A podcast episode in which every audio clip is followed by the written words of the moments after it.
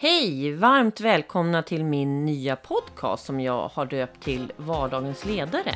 Jätteroligt att du har hittat hit.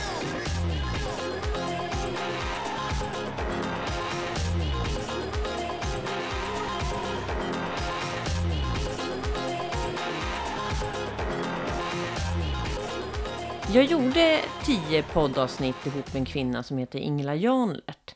Och jag fick otroligt mycket mer smak för att fortsätta göra podd efter det. Det var jätteroligt och framförallt så var det väldigt, väldigt utvecklande. Och jag tyckte det var mest spännande när vi faktiskt hade med oss gäster. Så jag kallar den här vardagens ledare för att jag är så intresserad av hur ledare jobbar i sin vardag. Jag har ju tillsammans med min kollega Gun Zetterman intervjuat över 3 500 ledare och medarbetare i svenskt näringsliv. Och jag tröttnar faktiskt aldrig på att höra fler berätta om sin vardag. Vilka utmaningar man har, vad som ger dem energi och motivation att hela tiden utvecklas, hur de ser till att må bra och hitta balans i, i vardagen. Och alla de här lösningar som folk berättar att de har gjort på olika problem de har haft. Idag fortfarande, fast det är 2016, så blir man ju ofta ledare för att man kanske är väldigt duktig på, på just det som företaget jobbar med. Man har väldigt hög kompetens på det. Eller att man har klättrat inom företaget. Och det gör ju att det här med ledarskapskompetensen är ju någonting som man då måste tänka på att hela tiden stärka, utveckla och förädla så att man ligger i framkant och är med hela vägen. Att man tänker på att visst, eh, som ledare så jag behöver ju kunna företagets alla delar, mål och, och visioner. Men jag behöver ju också förstå att jag behöver leda andra. Och hur påverkar jag andra? Och hur påverkas jag av andra? Hur får jag andra att gå den vägen som de vill och att de lyckas väldigt bra med det? Hur får jag dem att må bra? Och sen så handlar det ju väldigt mycket om sin egen självinsikt. Vad drivs jag som ledare av? Vad är det som gör att jag eh, vill ta det där extra steget? Och varför gör jag på olika sätt? Och hur mår jag i den banan? Ja, det finns massa olika delar att jobba med. Så det gäller att man stärker de här delarna. Och jag tror att lyssna på andra som jobbar i sin vardag, hur de har löst saker när de har ställts inför riktigt svåra beslut eller när de har medarbetare som behöver en extra liten push eller ja, ni vet alla de här delarna. Att höra hur andra har gjort och mått, det vet jag, det, det stärker en själv. För ofta kan det ju vara så att man känner sig ganska ensam och tänker att ja, det kanske beror på att jag eh, har så liten erfarenhet av det här eller jag kanske är för ung eller det kan vara att jag är för gammal eller eh, det här förstår jag mig inte på, undrar om jag kommer klara det här.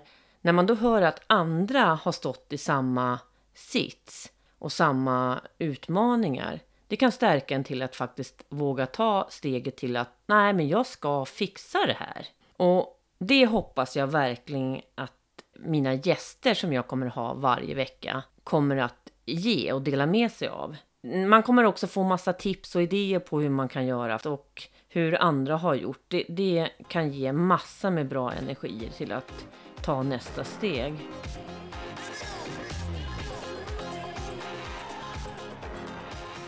Jag heter då Jenny Johansson och jag fyllde 50 år förra året. Jag har i närmare 25 år drivit företag. Jag har byggt upp säljorganisationer, jag har coachat flera hundratals säljare och flera hundratals ledare. Idag så driver jag Makata affärsutveckling ihop med min kollega Gun Zetterman. Vi har haft en fantastisk resa tillsammans, Gun och jag.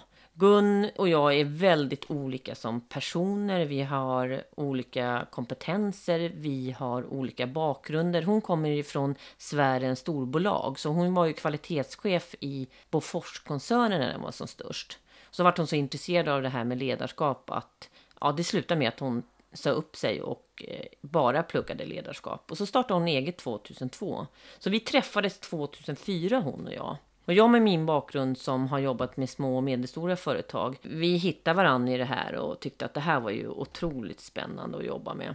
Och eh, har vi gjort sedan dess. Idag jobbar vi ju främst med ledarskap. Jag eh, tar gärna interimsuppdrag, både som säljchef och som VD. När jag trivs som bäst i de uppdragen, det är när det handlar om förändringsarbete. Och eh, det brukar ju vara så att när man trivs och, och tycker någonting är väldigt roligt så brukar det ofta göras väldigt bra också.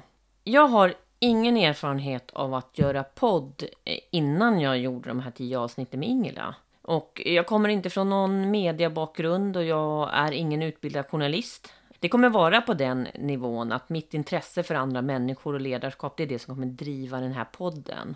Så jag ger mig gärna feedback under vägen, för att jag gillar att utvecklas, även om det gör lite ont ibland. Och jag hoppas verkligen att det är många som vill vara med på den här resan och ta till sig och lyssna på mina gäster som berättar om sin vardag. Det kommer vara otroligt, ja, jag tror att det kommer vara väldigt, väldigt givande. Ord som ofta brukar kopplas ihop med mig är mod, analyserande, ihärdig och noggrann. Och det är ord som jag också känner att jag, jag själv kan tycka och stå för. Det var lite kort om mig och det var lite kort om vad den här podden kommer att handla om. Och nu hoppas jag verkligen att ni är så pass nyfikna att ni sitter som klistrade och lyssnar på min första gäst. Det är min första gäst. Det känns jättespännande. Eh, och fram till dess så önskar jag er en helt underbar skön vecka.